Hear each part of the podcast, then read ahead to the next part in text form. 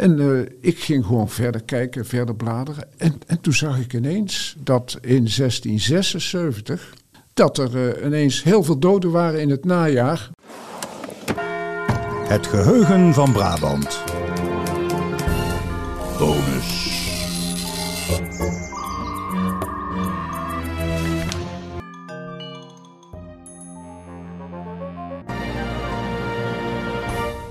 Je luistert naar een bonus bij onze aflevering over rampen.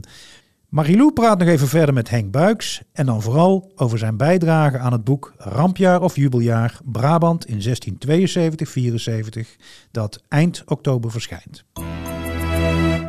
Dag Henk, leuk dat je aansluit in deze bonusaflevering bij Wat een Ramp. Want Henk Buiks, jij bent jarenlang regiohistoricus geweest bij BIC.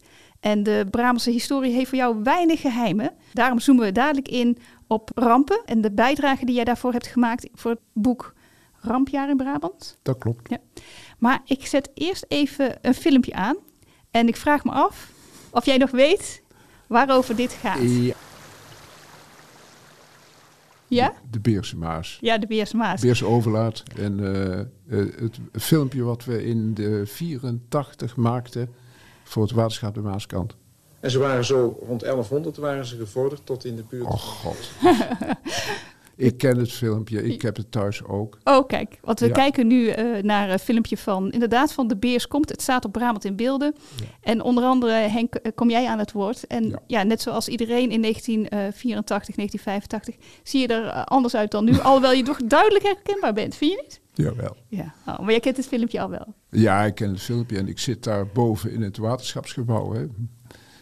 Het, eh, toen al net, ja, het was net het nieuwe, want eh, eh, in 84 hadden ze dat nieuwe kantoor net geopend. Kijk, Ja. en daar zat jij volgens mij ook heel erg op je plek. Ja. Ja, ja, mooi. We gaan terug naar eh, rampzalige gebeurtenissen. Volgens mij had je er een paar gevonden in de 17e eeuw, hè? Ja, naar aanleiding van het rampjaarboek ben ik in een aantal archieven gedoken. Want een van de dingen die je dan gaat opzoeken is van...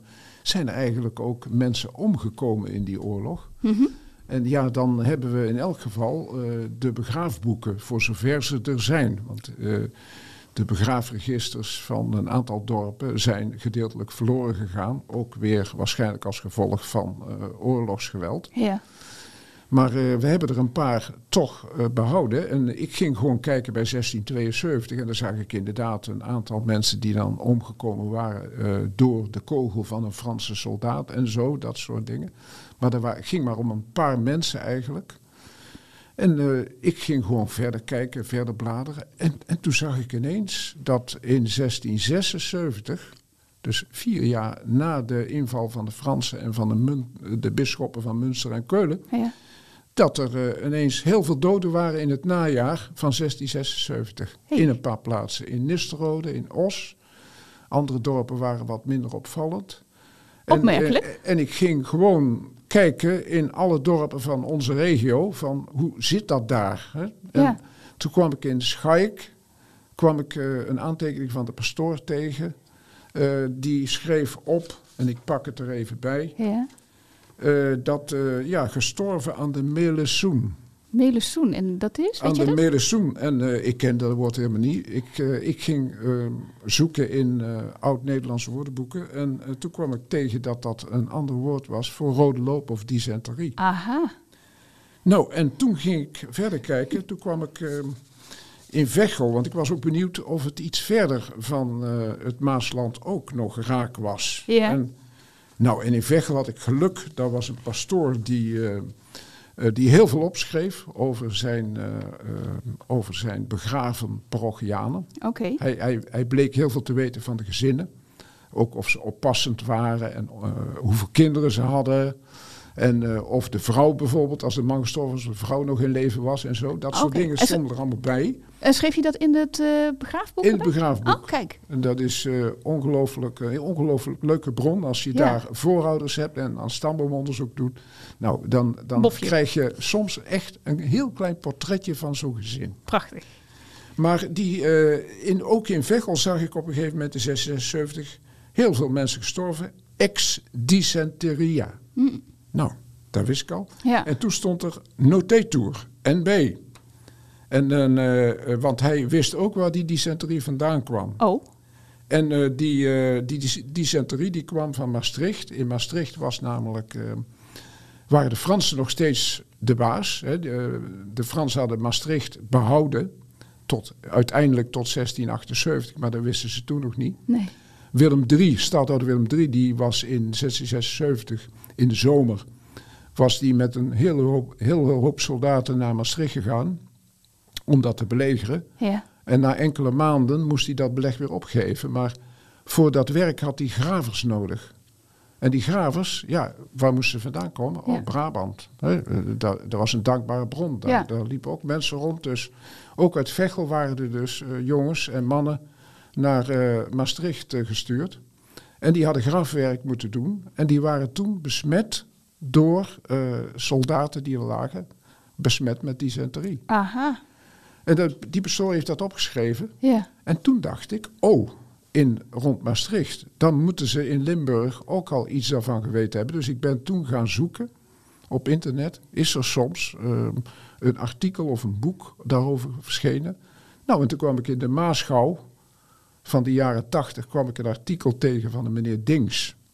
Met een keurig verhaal over de dysenterie-epidemie van 1676 met een uitgebreide lijst van alle steden en dorpen in het huidige Limburg. dat was een wat ander gebied dan toenmalig Limburg, want dat was ook een stuk Gelderen, weet je wel. Ja. Maar er stond er allemaal keurig bij hoeveel mensen er waren gestorven in die jaren en, en uh, hoeveel er waren gestorven in de periode augustus, november 1676. Want toen heerste de epidemie. Nou, toen dacht ik, oh, Venray stond er ook bij met heel hoge aantallen doden. Toen dacht ik, nou, hoe zou het in het land van Kuik zijn geweest? Ja. Nou, en ja, toen kwam ik in Sint-Tunis. En ik heb hier een A4 voor mij. En Ja. die A4 is uh, voor twee derde gevuld met een lijst met doden van enkele tientallen. Van september tot en met december 1676. En het laatste een derde, dat is het hele jaar 1677. Oké, dus dat geeft de verhouding aan hoeveel er in 1676... Geeft de verhouding ja. aan. En uh, nou ja, Os, uh, 2000 inwoners, 107 doden in 1676. Aanzienlijk. Aanzienlijk. Ja. En uh, ja, Nistelrode, 1000 inwoners, 81 doden Ja. in één jaar. Hè? Dus dat hakt erin. Zeker. En dit is zo'n ramp die jij eigenlijk even vindt naar aanleiding van, van je onderzoek, maar anders verdwijnt het in de Ja, beslotenheid want, uh, van de archieven. Het boek van uh, Brabant uh, in het rampjaar, Mhm. dat, dat gaat over de periode 1672, 1674. Oké. Maar ja, ik heb er Ja. dus dingen van 76, omdat dat natuurlijk die oorlog is doorgegaan tot Ja. de vrede van Nijmegen in 1678. Want toen pas gaven de Fransen Maastricht op. En daarvoor had je natuurlijk in 1674 Graven, het beleg. Ja. En ook dat beleg van Graven had kwalijke gevolgen voor het land van Ravenstein en ook voor Uden en Volkel. ja, want daar vielen dan ook weer meer uh, doden te betreuren? In uh, Uden en Volkel gaat het meer om um, ja, het plunderen en brandschatten. En, en, uh, ja, en daar is een unieke bron van overgebleven. Ik denk dat die redelijk uniek is, Mhm. omdat je van dat soort zaken meestal, als je geluk hebt, in de dorpsrekeningen wat nuchtere en koude opmerkingen over vindt. Maar uh, de schepenen van Uden hebben de moeite genomen om voor Uden en Volkel, dat hoorde bij elkaar, om allerlei zaken op te sporen en op te schrijven en ook te berekenen hoeveel, hoeveel schade dat was in guldens, hè, want dat vind je dan ook terug. Ja. Maar uh, die beschrijving uh, die is uh, gewoon niet alleen zakelijk, die wordt op een gegeven moment ook wel, ehm, ja, ja het is iets wat bij de Nederlandse tv heel populair is. Er moet ook emotie bij, maar ehm, dat merk je daar eigenlijk ook wel. Ja? De, ze zijn woedend. Oh ja? Ze zijn echt woedend. En, en uh, op een gegeven moment noemen ze dus ook namen van commandanten. En ja, ik kan er, ik kan er wel een stukje. Ja, maar nou voorlezen. maak je wel nieuwsgierig. Want waaruit blijkt die woede dan, Henk? Uh, dat blijkt uit. Uh, ja, ik heb hier een paar voorbeelden. Ja. Ik heb hier. Uh, ik citeer even. Al heel snel komen we legercommandant Frankenberg tegen. Ja, ik citeer uit een verhaal wat ik hierover geschreven heb. Okay. Zo had u de keurig op tijd de afgesproken hoeveelheid fourage aan deze man geleverd. maar werden de onderdanen nogthans geconstringeerd, dus gedwongen, dagelijks zoveel bij te schaffen als dezelfde naar eigen moedwil, uh, uh, moedwil hebben wouden. En dezelfde, dat is Frankenberg. Oké. Als anders niet zoekende als alleen occasie te mogen hebben om te plunderen. Eh, dus het was net alsof hij elke, elke aanleiding zocht om maar te kunnen plunderen. Maar de Udenaren hadden geleverd. En na een lange reeks leveringen van goederen, paarden, fourage en honderden gulders aan Frankenberg stuurde deze zijn manschappen naar Volkel om daar 50 schapen te stelen. Vervolgens werd Ude gans uitgeplunderd en naardien, nadat aan Frankenberg wierde bewezen en de met vingeren getoond de afgeplunderde beesten, verkens, karen, etc. in het kwartier en de daarop niet wisten te repliceren, dus hij wist niets anders te zeggen dan: Gij zijt lekkers. Wat een neerbuigende toon, hè? Ja, een neerbuigende toon, maar er zit ook sadisme zit erbij. Ja. En, en, dat voel je. En, en daarna komt er dus nog iets. Na de inname van Graven en de aftocht van de Franse bezetters, hè, dat was in oktober 1674, ja. was Frankenberg samen met generaal-majoor Alexander van Spaan en hun ruiterij ingekwartierd in de dorpen van de Ravensteinse Maaskant. Niettemin dwongen de heren de Ravensteinse heikant, dat waren de dorpen Ude, Volkel, Boekel en Zeeland, een bedrag van ruim 1100 gulden te betalen. Dat was zogenaamd voor haver, maar volgens de luitenant die het geld in ontvangst nam, hadden beide officieren het geld onderling verdeeld. Tot zover Frankenberg. Ja. En dat soort zaken, dat gaat dus een aantal, uh, in onze termen A4's, gaat dat gewoon door. En dan kom je op een schadebedrag van 50.000 gulden. En dat is in een tijd waarin hier, niet veel mensen 50 cent per dag verdienden. Als ze, waar ze gezin van moesten onderhouden. Is dat heel veel geld. Ja. En dat geeft dan aan hoe zwaar dat erin moet hebben gehakt ja. in zo'n gemeenschap. En uh, dit was dus ook het Hollandse leger dat dus in het land van Ravenstein tekeer ging. En dat had weer te maken met de relatie tussen de vorst van Ravenstein en koning Lodewijk XIV. Want die vorst van Ravenstein die had koning Lodewijk XIV in 1672 gefeliciteerd met zijn overwinningen. Ja. En uh, ik denk dat dat natuurlijk in, in Holland niet onopgemerkt is gebleven. Hey, en dat, dat verhaal van die uh, meneer Frankenberg, zeg je ja. dat goed? Waar heb je dat gevonden? In uh, het archief van Uden, maar het stond dus ook al, het was al uitgegeven in 1850 in het boekwerk De Chartes van Ravenstein van meneer Hermans. Een tweedelig werk waar heel veel bijzonderheden over het land van Ravenstein zijn weergegeven. Okay. Ja. Ja. Zitten archieven nog bomvol van dit soort mooie verhalen, Henk? Ik denk het wel. En uh, wat ik hoop is dat uh, archiefopleidingen toch werk maken van het uh, blijven maken, moet ik zeggen, van het, lezen, het leren lezen van oud schrift. Ja, ja? want jij pakte er net wat A4'tjes bij, scans uit de database, waarin menig geen nauwelijks wijs kan. En jij leest het alsof het de krant is, hè? Nou ja, maar uh, ik, heb, ik moet eerlijk zeggen, ik heb nog geschiedenis gestudeerd uh, in de tijd dat je voor middeleeuwse geschiedenis verplicht uh, een half jaar of een jaar een college paleografie moest volgen. Oud schrift leren lezen. En dat vond je toen niet rampzalig om te nee, doen? want ik vond het heel leuk. En toen had ik er nog helemaal niet aan gedacht dat ik ooit archivaris zou zijn. En, en daarna, na mijn afstuderen, was ik een tijd leraar. En ja, ik was de laatst benoemde geschiedenisdocent. Ik moest er het eerst uit. En toen had ik al uh, gedacht van, nou, misschien zou ik wel archivaris kunnen worden. Nou, toen ben ik naar de archiefschool gegaan.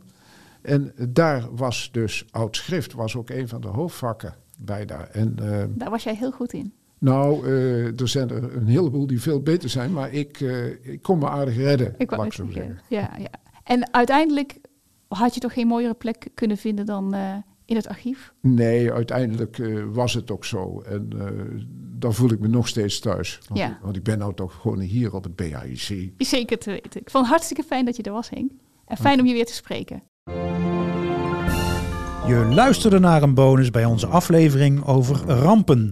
Wil je de hele aflevering luisteren? Ga dan naar big.nl/slash podcast. Vond je deze podcast leuk? Luister dan ook eens naar Vrouwen Buiten Zicht. Welkom bij Vrouwen Buiten Zicht, Daders en slachtoffers in turbulente Brabantse tijden. Een samenwerking tussen het Brabants Historisch Informatiecentrum en masterstudenten geschiedenis en actualiteit van de Radboud Universiteit. In deze zesdelige podcast onderzoeken zes jonge historici de rol van vrouwen in alledaagse criminaliteit in oorlogstijd.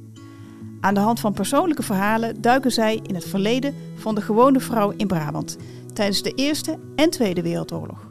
Niet iedereen is of een dader of een slachtoffer. Je hebt ook mensen die er tussenin zitten, zelfs in de oorlog. Dus een onderwerp als Tweede Wereldoorlog heb je echt goed en je hebt echt slecht. Zeker in vertellingen ervan. En de realiteit is natuurlijk totaal anders. Vrouwen buiten zicht. Vanaf medio oktober in je favoriete podcast-app. Kijk voor meer informatie op bhic.nl/podcast.